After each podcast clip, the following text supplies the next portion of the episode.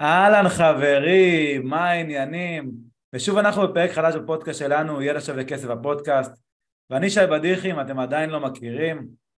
והיום יש לנו באמת פרק מאוד מעניין. אה, אנחנו הולכים לדבר על טרנד רכישת דירות לזוגות צעירים על תוואי הרכבת הקלה. נשמע מעניין? יישארו איתנו. אז בשביל זה אה, הזמנתי אורח שהוא גם קולגה וגם חבר בחור באמת אה, משכמו ומעלה, קוראים לו יובל גזית, אה, הוא יועץ השקעות נדל"ן, אז בוא נגיד לו שלום. שלום שי, בסדר גמור, מה נשמע? כיף להתארח. מעולה, מעולה, כיף, כיף גם לארח לא, לא רק לקפה, אלא גם אצלנו בפודקאסט. נהדר. אז בואו ככה נתחיל לדבר בכלל, אנחנו מדברים הרבה על נדל"ן, אבל בואו נדבר על ה... על הטרנד החדש הזה שצץ לו פתאום, אבל לפני שככה נבין מה זה הטרנד הזה, בואו בוא. נתחיל מההתחלה, אנחנו בפודקאסט שלנו מאמינים אה, להתחיל מההתחלה ולדבר בשפה שכל ילד יכול להבין, אוקיי? אז בואו נתחיל בלהבין בכלל מה זה רכבת קלה, למה אנחנו צריכים את זה, ובין מי למי היא מחברת, מה, למה אנחנו צריכים את זה, יש, יש היום רכבת ישראל, יש מוניות, יש אוטובוסים, יש מטוס, מה, מה אני צריך רכבת קלה? אז קודם כל, אה, בתוואי של הרכבת הקלה יש אה, חמישה קווים, שבעצם אה, חברת נטע, נתיבי תחבורה עירוניים, התחילה לפתח בחמש שנים האחרונות. עכשיו, בסוף זו המטרה ליצור נגישות לתל אביב. יש לי קו פתח תקווה, בני ברק, באזור רמת גן, לכיוון תל אביב, וגם את הקו של בת ים, חולון וראשון. שבעצם המטרה זה להגיע מערי הספר לכיוון תל אביב בצורה הכי מהירה. עכשיו בארבע חמש שנים האחרונות מי שהרכבת התחילה להיבנות אה, שמתי לב שבעצם נכסים שנמצאים בוא נגיד בין 350 אה, ל-500 מטר מהתחנת רכבת הקרובה יש עליית מחיר. זה התחיל ממש לעניין משקיעים אנשים התחילו לבוא ולחפש דירות שנמצאות קרוב כי הם האמינו שאוטובוס עם פקקים לוקח הרבה מאוד זמן, אתה יודע איך זה, רמזורים, אה, עד שמגיעים לעבודה, יכול לקחת שעה וחצי מצד לצד, שבעצם הרכבת הקלה, אני תוך 12 דקות מגיע ממרכז בת ים, המרכז פתח תקווה, לכיוון אה, עזריאלי בדרך השלום. אה, עכשיו, מה שאנחנו בעצם רואים, שכבר התחנות באזור פתח תקווה ואזור בת ים צריכות בחודש יוני להיפתח, ולאחר מכן לדעתי תהיה קפיצה מאוד גדולה במחירים כי אנשים פשוט יעזבו את אזור תל אביב ויעברו אה, לאזורים ליד בגלל שהתחבורה הציבורית והנגישות מביאים אותה מהר לעיר הגדולה. אז אתה אומר ממש אירופה הולכת להיות אה, אצלנו פה בישראל. כן, אירופה רק עילית ותחתית, תלוי באיזה אזור אתה נמצא. אבל אני חושב שזה הולך להסיע מיליון אנשים בשנה וזה הולך לעשות מהפכה. היום זה בגוש דן, אבל חכה עוד שלוש, ארבע, חמש שנים, אתה תראה את זה בצפון, תראה את זה בדרום, זה ירשת את כל הארץ. פשוט מביא אותך כל כך מהר, אתה יודע, אם נסעת פעם אחת במטרו, ראית יורדים למטה, אה, שתי דקות מחכים לרכבת, כל אחד עם לפטופ, אה, כבר יכול לעבוד, ואם זה רופא מומחה או עורך דין מומחה, כולם נוסעים ברכבת, לא משנה איזה פלח אוכלוסייה. נראה לי זה ישנה את כל המפה.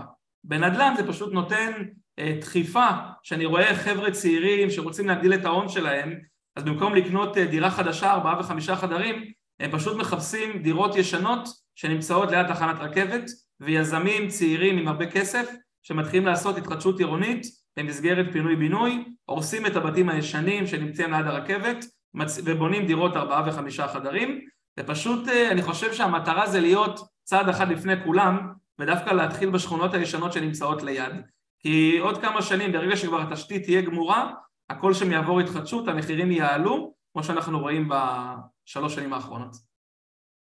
אז בעצם אפשר לדמות את זה לכמו, במרכאות אני אומר, לקנות דירה על הנייר, כשעל הנייר יש יותר סיכון, אנחנו פחות רואים את זה בעיניים, פחות uh, רצים לקנות, mm-hmm. אבל כשרואים דברים בעיניים שהכל בנוי וכולי, אז אנשים מוכנים לשלם יותר כסף על הוודאות הזאת, על uh, מה שהם רואים בעיניים, בין אם זה דירה, בין אם זה הרכבת, אני רואה ממש שהיא פה, שהיא עובדת, שהיא קיימת, זה כבר לא או תוכנית אה, ממשלתית או עירונית אה, או משהו בסגנון, אלא זה ממש קורם עור וגידים, כן. אז אנשים מוכנים לשים יותר כסף על הנכס. כן, גם רוב הדירות שם הן דירות יחסית זולות. זאת אומרת, רוב הדירות הן דירות שתי חדרים, שלושה חדרים, שאתה בעצם יכול להגיע בלי חסם כניסה. אתה יכול להגיע עם הון עצמי בערך של 400 עד 600 אלף שקל, לקחת משכנתה ובעצם לקנות דירה קטנה, שבהמשך גם תהיה דירה גדולה. אבל אה, הרחובות הם קטנים, כמות הדירות היא לא גדולה, אה, אין הרבה היצע אבל הביקוש מאוד גבוה. אני גם שמתי לב שהרבה מבוגרים והרבה עולים חדשים, שנגיד גם הגיעו לארץ בגלל המלחמה באוקראינה ומרוסיה שהייתה בשנה האחרונה, התחילו לחפש אזורים לגור בהם עם תחבורה ציבורית, והם מחפשים היום דירות להשכרה דווקא ליד הרכבת, כי הם יודעים שזה ייפתח, יהיה להם יותר קל להגיע לעבודה. מדבר בעיקר על אוכלוסייה של צווארון כחול, לאו דווקא אקדמאים, שפשוט גם אה, משלמים שכירות גבוהה כי אין להם רכב, אז הם מוכנים לחפש דירה שקרובה אה, לתחבורה ציבורית ויכולה להביא אותם לעבודה מהר. אה, ולדעתי מי שהיום באמת מחפש השקעה מעניינת ובאמת רוצה להישאר באזור המרכז ולאו דווקא להתרחק לפריפריה, הוא מפחד, זה רחוק, מדבר על המרכזניקים שגרים בין גדרה לחדרה ורוצה להבטיח את הכסף שלו, דווקא לקנות משהו קטן שהוא יראה את הצמיחה באמת בשנה הקרובה שווה, כי זה באמת לא, לא מחירים גבוהים.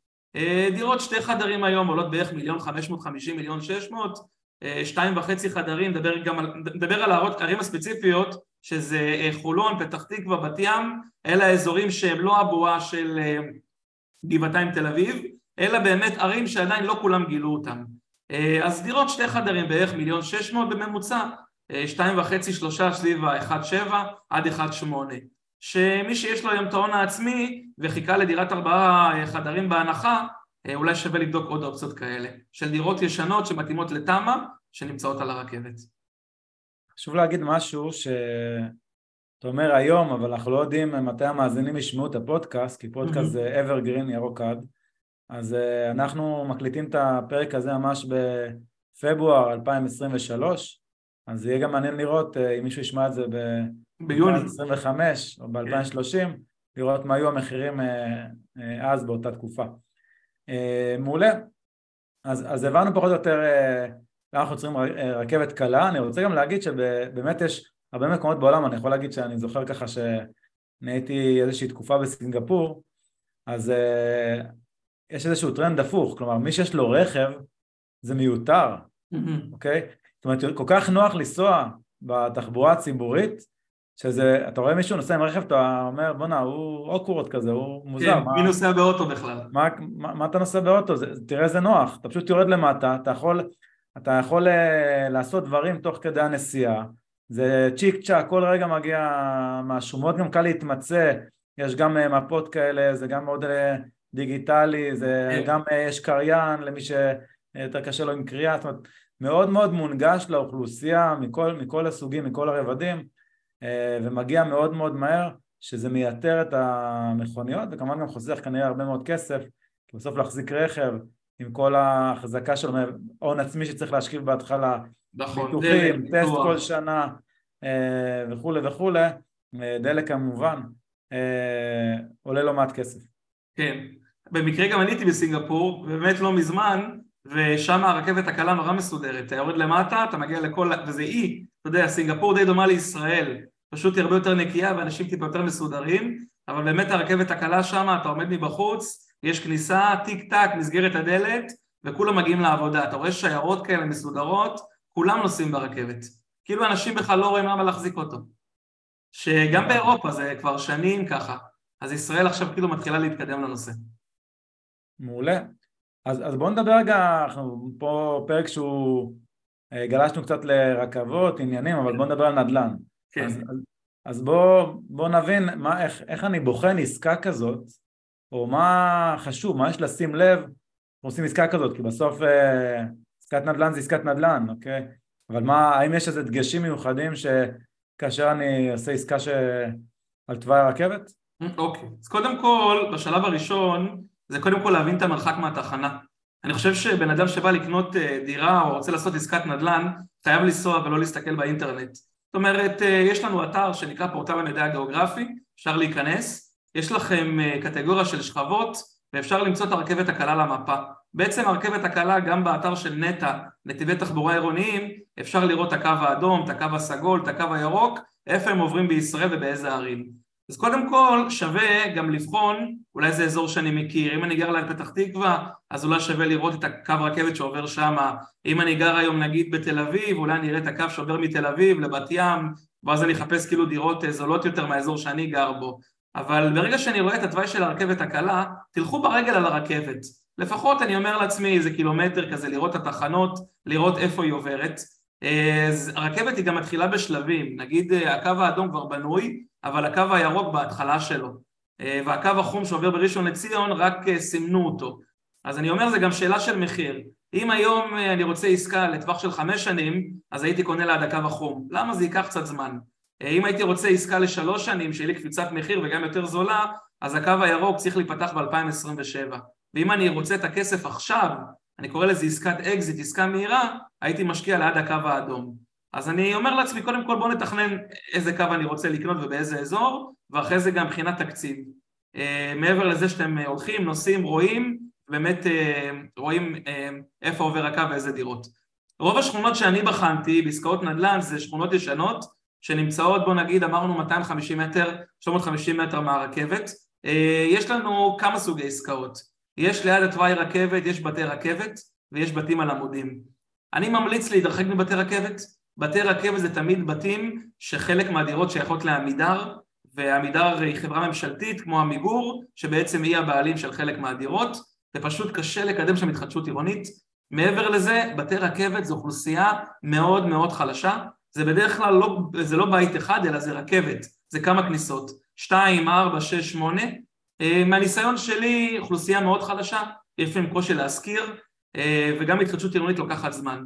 אז אם אתם באמת הולכים ובודקים איזה קו ורוצים לקחת לקנות דירה שווה לעזוב את הרכבת, את הבניין רכבת ולהתמקד בבניינים על עמודים. לחפש דירות שתיים עד שתיים וחצי חדרים לא ללכת לדירות שלושה וארבעה, הן יקרות יותר ואני חושב שהתמחור שלהם הוא גבוה מאוד אה, ביחס לעליית ערך שהם ייתנו כי בסוף, תחשבו על זה רגע ככה, אם אני קונה דירה בבניין שתיים או שתיים וחצי חדרים, אני יכול להתאים את עצמי לאיזו אוכלוסייה להשכרה. אני יכול להתאים למבוגרים, לזוגות צעירים, לסטודנטים, לבן אדם יחיד. כשאני קונה שלושה וחצי וארבעה חדרים, קודם כל המחיר באמת גבוה יותר באיזה ארבע מאות אלף שקל, ואני חושב שהאזור הזה מתאים רק, כאילו הדירות האלה מתאימות רק למשפחות.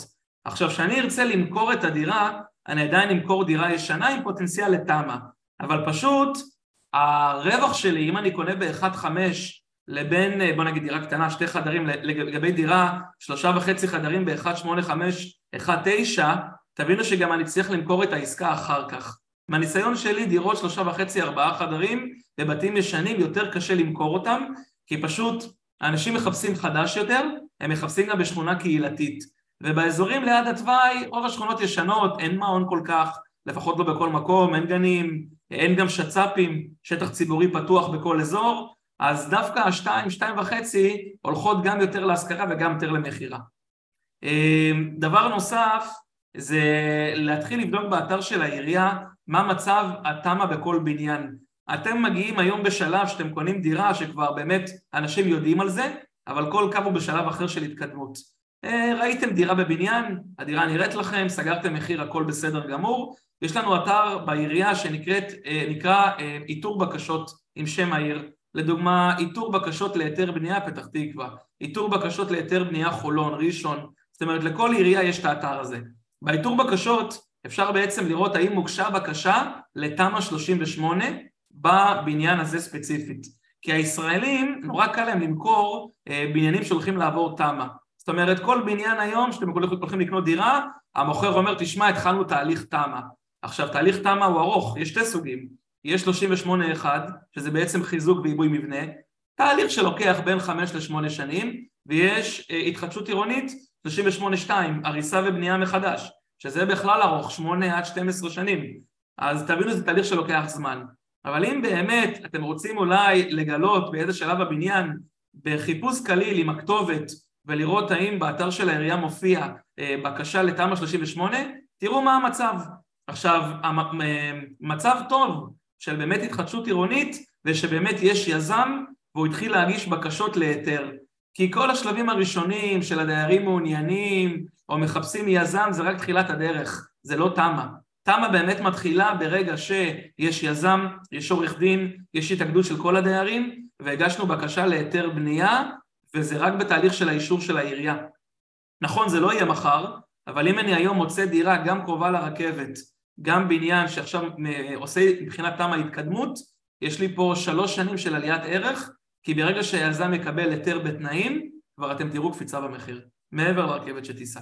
זה לדעתי הבחינה החשובה. אני רוצה להוסיף ככה עוד כמה דברים. כן, בשמחה. אה, באמת אה, בעניין של החיפוש, ככה באמת מניסיון אישי, לי קרה באופן אישי שאני חקרתי איזשהו פרויקט מסוים, שבאמת היה בשלבים מתקדמים לתמ"א 38-2 ודווקא לא ניתן היה למצוא באתר של העירייה את הבקשה, אז משהו שמאוד מומלץ בלי קשר, זאת אומרת להסתכל באתר של העירייה זה מאוד מאוד חשוב, זה גם מאוד מאוד מהיר ומאוד מאוד פשוט, אפשר באמת לחפש כמו שאמרת אה, איתור, או ללכת לחפש GIS לפעמים זה נקרא בחלק מה... כן, Geographic Information System.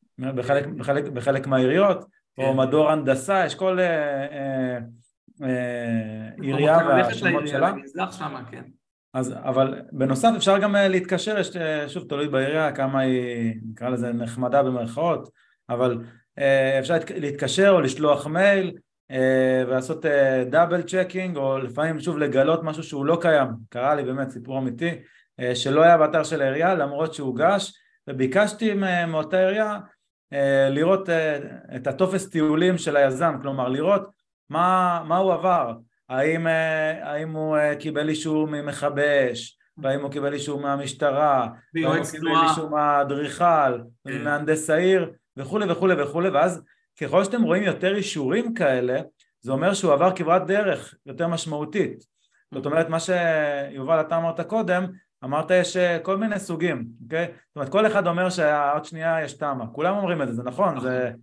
זה כבר נהיה מגוחך, אוקיי? כן. איך, ש, איך שאתם משתמשים במילה תמה בכל uh, משפט שני, אבל באמת זה משהו שלוקח הרבה מאוד שנים, אז אנחנו רוצים לקנות uh, דירה עם פוטנציאל שאנחנו כבר ברובד האחרון, בשלב רגע לפני ההיתר, אבל, אבל אפשר לבדוק את זה, אפשר לראות באמת כמה דברים עברו אה, בדרך, בסוף יזם שהשקיע מספר שנים בלקדם בניין מסוים, הוא השקיע גם כסף, הוא השקיע זמן, הוא השקיע מרץ, הוא לא יוותר על זה כל כך בקלות, אוקיי? הוא יילחם כדי בסוף לעשות את, ה, את המכה, כדי שיהיה היתר, וברגע שיהיה היתר משם לרוץ קדימה ובאמת אה, להוסיף קומות או, או לארוז ולבנות אה, בניין חדש וכולי וכולי כדי שיהיה לו בסוף על אותה קרקע אה, זכויות בנייה שעליהם הוא יכול לבנות ולמכור דירות חדשות זה המטרה של היזם כן. באמת מומלץ לבדוק את כל הדברים האלה מאוד לעומק ואפשר באמת גם, גם להתקשר אליי, גם לשלוח מיילים ומי שיכול אפילו גם להגיע פיזית זה לא, זה לא, זה לא כל כך מורכב, אתם קונים דירה לא תשקיעו רגע אה, אה, יום אחד אה, בדיקות, מאוד מאוד חשוב. אני רוצה להגיד משהו קטן, שגם, אתה יודע, כבר הגעת לבניין ונגיד באמת יש תהליך תמ"א, באמת דרך השכנים לחפש את הוועד בית, לדפוק לה בדלת, ורק לשוחח איתה כמה דקות, מתחילים להבין בדיוק מה קורה עם כל השכנים. מי מסוכסך עם מי, מי קיבל מה, מי בקשר עם היזם, ואז בכלל, לפעמים יש כל כך הרבה בעיות עם השכנים, שאולי הם בחרו יזם אבל הם עדיין בכלל לא סיכמו איתו שום דבר. והשכן אומר הכל סגור, הנה חוזה, מתקדמים, ראית הוא ביקש בקשה להיתר, אבל יש לפעמים מסמכים של העורך דין שלא לא ראינו אותם. אחד השכנים תובע את השני, אה, ראיתי פעם כמה מקרים, אה, גם סיפור שקרה, שבעצם אה, היה בניין, צד אחד קיבל מרפסות, הצד מאחורה לא קיבל, ואז בעצם יש שכנים שתובעים כי הם קיבלו רק פיצוי כספי ולא מרפסת. ומה זה שטח לעומת פיצוי כספי? יש לפעמים פרויקטים שהיזם חותך חלק מהדירה בשביל מעלית, ואז אלף ואחד בעיות. וגם הרבה מקרים שהבן אדם קיבל תמ"א באמת, אבל התמ"א לא יוצאת כמו שהוא רוצה, והוא מוכר את הדירה. הוא אומר לך, שמע, הנה באמת יש פה תמ"א, אבל זה תמ"א על הפנים, בלי חלונות, בלי אוורור, עכשיו בונים פה עוד בניין, ואז, אתה יודע, חסמו את כל הכיווני האוויר, ולפעמים גם אנשים מוכרים עסקאות גרועות, וצריך לדעת לבחון את זה. זה חשוב. מעולה, האמת דיברת על לדפוק לשכנים בדלת, האמת שזה טיפ סופר חשוב. כן. אה, באמת לדבר, לדבר, בסוף אתם קונים, אתם הולכים להיכנס, ל... באופן כללי לקנות דירה. אתם יכולים להיות, להיכנס, אה, להיות דיירים, לא משנה, אתם קונים את זה למגורים או להשקעה, זה אפילו לא משנה. אתם רוצים להכיר מהשכנים שלכם, אוקיי? זה, זה מאוד מאוד חשוב, כי כשיהיה בעיה, ותמיד יש בעיות, אוקיי? אתם רוצים לראות אם הם בני אדם שתוכלו לדבר איתם, אוקיי? אתם רוצים לראות שזה אנשים אה, נורמטיביים, שיהיה לכם אה, כיף לגור איתם, שהם לא עושים לכם יותר מדי רעש, או שהם לא מאוד מאוד שונים מכם, לא יודע, ברמה כזו או אחרת, שלא לא תוכלו להסתדר. אז אחד הדברים שאני מציע מעבר ללדפוק בדלת, כי לפעמים שאנחנו דופקים בדלת, לפעמים לנו לא נעים לדפוק לבן אדם זר בדלת, ולפעמים, אם אגב, לי מישהו ידפוק בדלת, לא בטוח שאני אפתח לו את הדלת, כי אני לא יודע מה, מי זה, מה הוא רוצה מחיי ולמה הוא דופק לי בדלת, אוקיי? ואם הוא פתח את הדלת, להתחיל לדבר על כל הדברים האלה, לרחל במרכאות על השכנים בחדר מדרגות שכולם שומעים, זה אף פעם לא נעים, ולא כל אחד יכניס אתכם, אדם זר, אליו הביתה בשביל לרחל על השכנים במרכאות. אז זו איזושהי שיטה שאני פיתחתי עם השנים, אני עושה טריק קצת שונה. אני באופן אישי פחות נעים לי לדפוק לאנשים בדלת, זה אני, זה האופי שלי. אז מה שאני עושה, אני אורב לאנשים למטה, אוקיי? אני מחכה לאנשים או בחנייה או אה, ברחוב. ואז תראו איזה... אתה אומר שזה לא מלחיץ, אני מבין. אתה לדפוק לא. בדלת, אה, אתה מפחד, אבל לחכות להם ברחוב זה בסדר. אז אני אסביר לך למה זה פחות מלחיץ. כאשר אתה הולך ברחוב, דמיין לך, כן. אדם עוצר אותך ושואל אותך שאלה, האם זה משהו שמלחיץ אותך? אם אני לא מכיר אותו? נראה לי קצת מוזר, לא? אם אני... לכן לא קרה שאני שואל אותך, תגיד אה, מה השעה, או תגיד איך אני מגיע לאנשהו? לא יודע. כל הזמן. אוקיי. אז... שאלה באיזה סיטואציה, ברחוב או ברחוב? אני יכול להגיד לך שהיום אני הלכתי ברחוב, כן. ומישהו עצר אותי ואמר, אה, אני מת על התוכן שלכם, אז גם דברים כאלה קורים. זה נכון. אז, אז ב, ב, בשורה התחתונה, אה, כשאנחנו ברחוב, אוקיי, יש אה, דברים שלא יקרו הרי ברחוב, אף אחד, סביר להניח, לא אה, יפגע בנו אה, פיזית, כי יש, יש עדים, ובטח שלא באור יום, וכולי וכולי, ואנשים מניסיוני יותר פתוחים אה, לשפוך מידע. אני יכול להגיד לדוגמה שאני עכשיו אה, בעסקה שאני חוקר בעצמי, אה, באתי אליה מספר פעמים לבניין, גם בבוקר, גם בצהריים, גם בערב, חשוב לבוא בשעות שונות, ופגשתי אה, מישהו אה, אה, ככה מתעסק עם הגינה, בחור מבוגר, ותאמינו לי המידע שהצלחתי להוציא ממנו בגינה זה מידע זהב הוא התחיל לשפוך לי את כל ההיסטוריה של הבניין, אוקיי, שהוא שם שלושים שנה, ומה הולך עם הבתי ספר, ואיך הוא קנה את הדירה, ולא היה לו כסף, ו...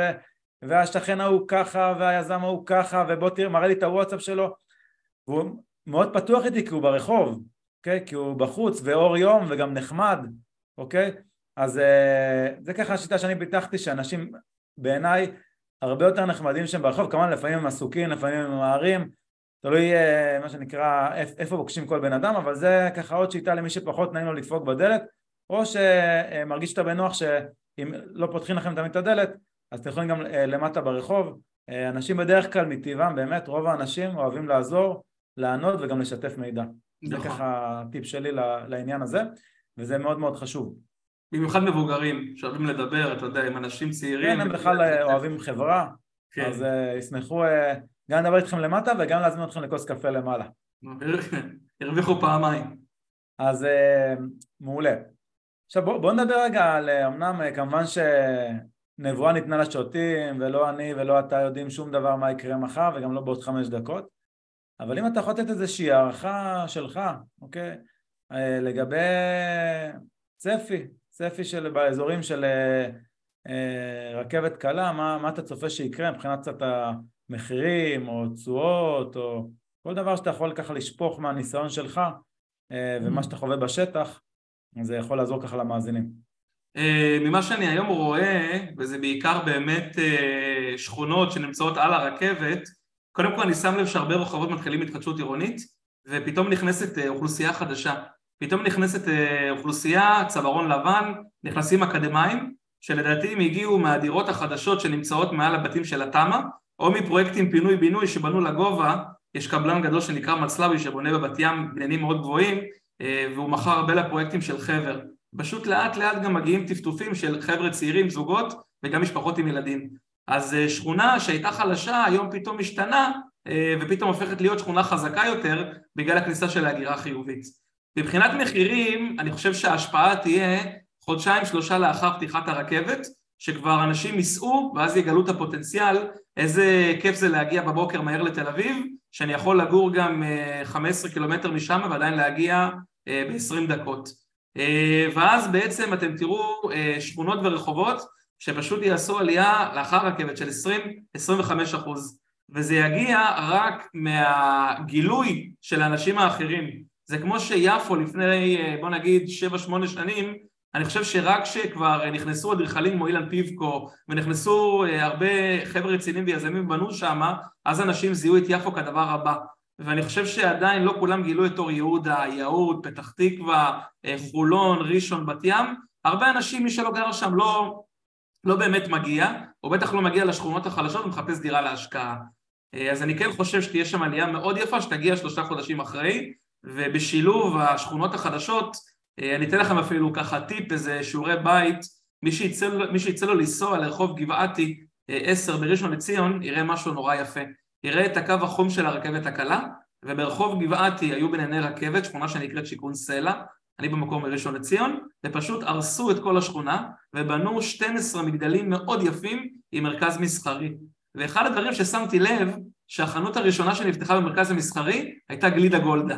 ואמרתי לעצמי, גלידה גולדה פשוט מושך משפחות וחבר'ה צעירים. הרחוב המקביל נקרא רחוב רש"י. כל הרחוב ליד עשה קפיצה במחיר, גם בזכות הקו החום של הרכבת הקלה, אבל גם מהכניסה של ההגירה החיובית והמשפחות שבאו לגור בתוך השכונה. וזה נורא מעניין לדעת. אה, אז אני כן חושב שאחרי הרכבת תהיה עליית מחיר מאוד גדולה, ומי שיחזיק את העסקה לקרוא שלוש שנים, ארבע שנים קדימה, אה, רוב הסיכויים שהוא יקבל התחדשות עירונית, כי פשוט אה, כולם ירצו לגור ליד, והבתים הישנים של השלוש-ארבע קומות יהפכו להיות מגדלים מאוד יפים ברוב ערי הספר. תל אביב תהיה קצת פחות אטרקטיבית, כי היא מאוד מאוד מאוד יקרה, ואנשים פשוט יגורו מסביב. זה קורה בהרבה מדינות בעולם. מעולה. ובואו ככה אה, נוסיף פה לקראת סיום, אז שאלה שהגיעה מהקהל, מישהו שככה שאל אה, באחת הקבוצות וואטסאפ שלנו, אז אה, מי שלא מכיר, מכירה, יש לנו קבוצות וואטסאפ כמעט על כל נושא, שוק ההון, נדל"ן, בארץ, בחו"ל, באמת הרבה קבוצות וואטסאפ, אז אם אתם לא מכירים יכולים לפנות אלינו בעמוד הרשמי, ידע שווה כסף הדף הרשמי בפייסבוק, או למצוא אותם שתהיה שווה כסף בגוגל, תכתבו לנו באתר ואנחנו נשלח את הקבוצה הרלוונטית. אז השאלה אומרת ככה, האם לאחר תחילת פעילות הרכבת הקלה, רק הדירות שבסמוך לתחנות יושבחו, או שגם נכסים מרוחקים יותר באותה עיר, ערכם גם יעלה באיזשהו שיעור מסוים, או באותו שיעור? מה לדעתך? ממה שאני רואה, שאלה מצוינת, ממה שאני רואה כרגע, בגלל בקווים כמו הקו האדום שהרכבת צריכה להיפתח ביוני 23, כבר רואים את העליית מחיר, כאילו זה מתומחר ה-250 מטר. אז ברגע שזה כבר יתחיל לנסוע, כבר ה-250 כבר יהיה יקר יותר ואנשים יחפשו עדיין להיות קרובים. אז דווקא לדעתי שווה גם לבדוק חצי קילומטר אה, מהתחנת רכבת. אתה יודע, אני מדבר איתכם כאילו על חמש דקות הליכה ברגל, או עשר, שתים עשרה דקות הליכה ברגל. אז אני אומר, אה, אני כן חושב שתהיה גם עליית מחיר, כי אה, כמות הנכסים להשקעה על הרכבת, ממש קרוב 200 אה, מטר היא נמוכה. אז גם אם מתרחקים זה לא נורא, לא מדבר איתכם על שכונה אחרת לגמרי או שתי קילומטר מרחק, אבל חצי קילומטר, 600 מטר מרחק, שזה 10-12 דקות, גם תראו עליית מחיר שתגיע אחרי הפתיחה. כי היום לפני הפתיחה כאילו כולם מחכים בסבלנות וכולם, ורוב המשקיעים קנו על הרכבת כי הם רוצים לראות את הרווח המיידי. אבל מי שסבלני וקונה לטווח הארוך, לא חייב להיות על, אפשר גם במרחק. אז אני כן, כן יראו עליית ערך בהמשך. מעולה, אז בעצם כל משהו שהוא מרחק הליכה, שמישהו לא יצטרך לקחת עוד איזושהי תחבורה ציבורית, או שאולי אפשר אפילו בקורקינט, אה, או אופניים וכולי וכולי, אה, בשביל להגיע לאותה תחנת אה, רכבת קלה, ומשם כבר להגיע מהר מאוד ליעד, בין אם זה לעבודה, בין אם זה לים, או לכל אחד במקום שהוא רוצה להגיע אליו. אני רוצה גם להגיד לך משהו נוסף, ששמתי לב שיש הרבה אזורים בישראל שהם נראים שכונות חלשות, ואז הם פתאום אה, מגיעים חבר'ה צעירים, התחלתי לשים לב למשהו נורא מעניין, שחברות של קורקינטים, אתה יודע, חשמליים כמו Bird ו Wind, פתאום שמות אה, כזה אזור חלוקה, ואז אתה פתאום הולך לאור יהודה, שכונה חלשה, שבונים לידה שכונה חדשה, או לפחות כבר התחילו לבנות כמה בניינים, ואז אתה רואה פתאום עשרה קורקינטים בעמדת חלוקה. ואז אתה אומר, רגע, מה אנשים נוסעים בה בקורקינט, זה לא אוכלוסייה מבוגרת? ופתאום נכנסים צעירים לעיר, וכאילו החברות עושות מחקר שוק, ושמות את, את, את התחנות אה, חלוקה שלהם, שזה נגיד נורא מעניין לראות. יפה, אז הנה קיבלנו ככה עוד, עוד, עוד טיפ בנושא. כן, ש... להסתכל, מי שמסתובב אז רואה את זה. הדברים הקטנים עושים את ההבדל. בסוף צריך הכל לעשות ברגליים, במיוחד בנדל"ן. אה, מתחילים כמובן מלמעלה מסקר שוק באינטרנט, אבל ברגע שמתמקדים חייבים ללכת בשטח. חייב שטח. חייב שטח. זה הצלחה. טוב יובל, אז באמת הזמן עובר מהר שנהנים. תודה. אז אה, קודם כל אני מאוד רוצה להודות לך שבאת ככה להתארח אצלנו. בשמחה. ולכם מאזינים, כמובן שאתם uh, כבר איתנו כל כך הרבה פרקים ואם אתם במקרה הגעתם פעם ראשונה לפודקאסט שלנו אז קודם כל אני מאוד מקנא בכם כי יש לכם המון המון פרקים להשלים אחורה ועוד יותר מקנא בכם כי יש לכם עוד הרבה פרקים שעוד לא היו אפילו להשלים קדימה ואנחנו כל הזמן מנסים לחדש ולרענן ולתת לכם באמת תוכן גם איכותי וגם עדכני. אז אם יש לכם שאלות אלינו מוזמנים לפנות אלינו בכל הערוצים באתר האינטרנט שלנו, ידע מקף כסף co.il, אה, כמובן הפודקאסט שלנו ידע שווה כסף, אה, וקבוצת הפייסבוק שלנו ידע שווה כסף, רווח מקף רווח, לי זה עולה יותר, או פשוט חפשו ידע שווה כסף, אנחנו באינסטגרם, אנחנו בטיק טוק, אנחנו בכל מקום, אז תשאלו כל שאלה שאתם רוצים, ואנחנו כמובן אה, נענה לכם, וכמו שראיתם השאלה הזאת, זו שאלה שרועי שאל בקבוצת הוואטסאפ שלנו, ואפילו לא יודע שהשאלה כבר עלתה בפודקאסט והוא יוכל לשמוע אותה, את התשובה ממש ממש בקרוב.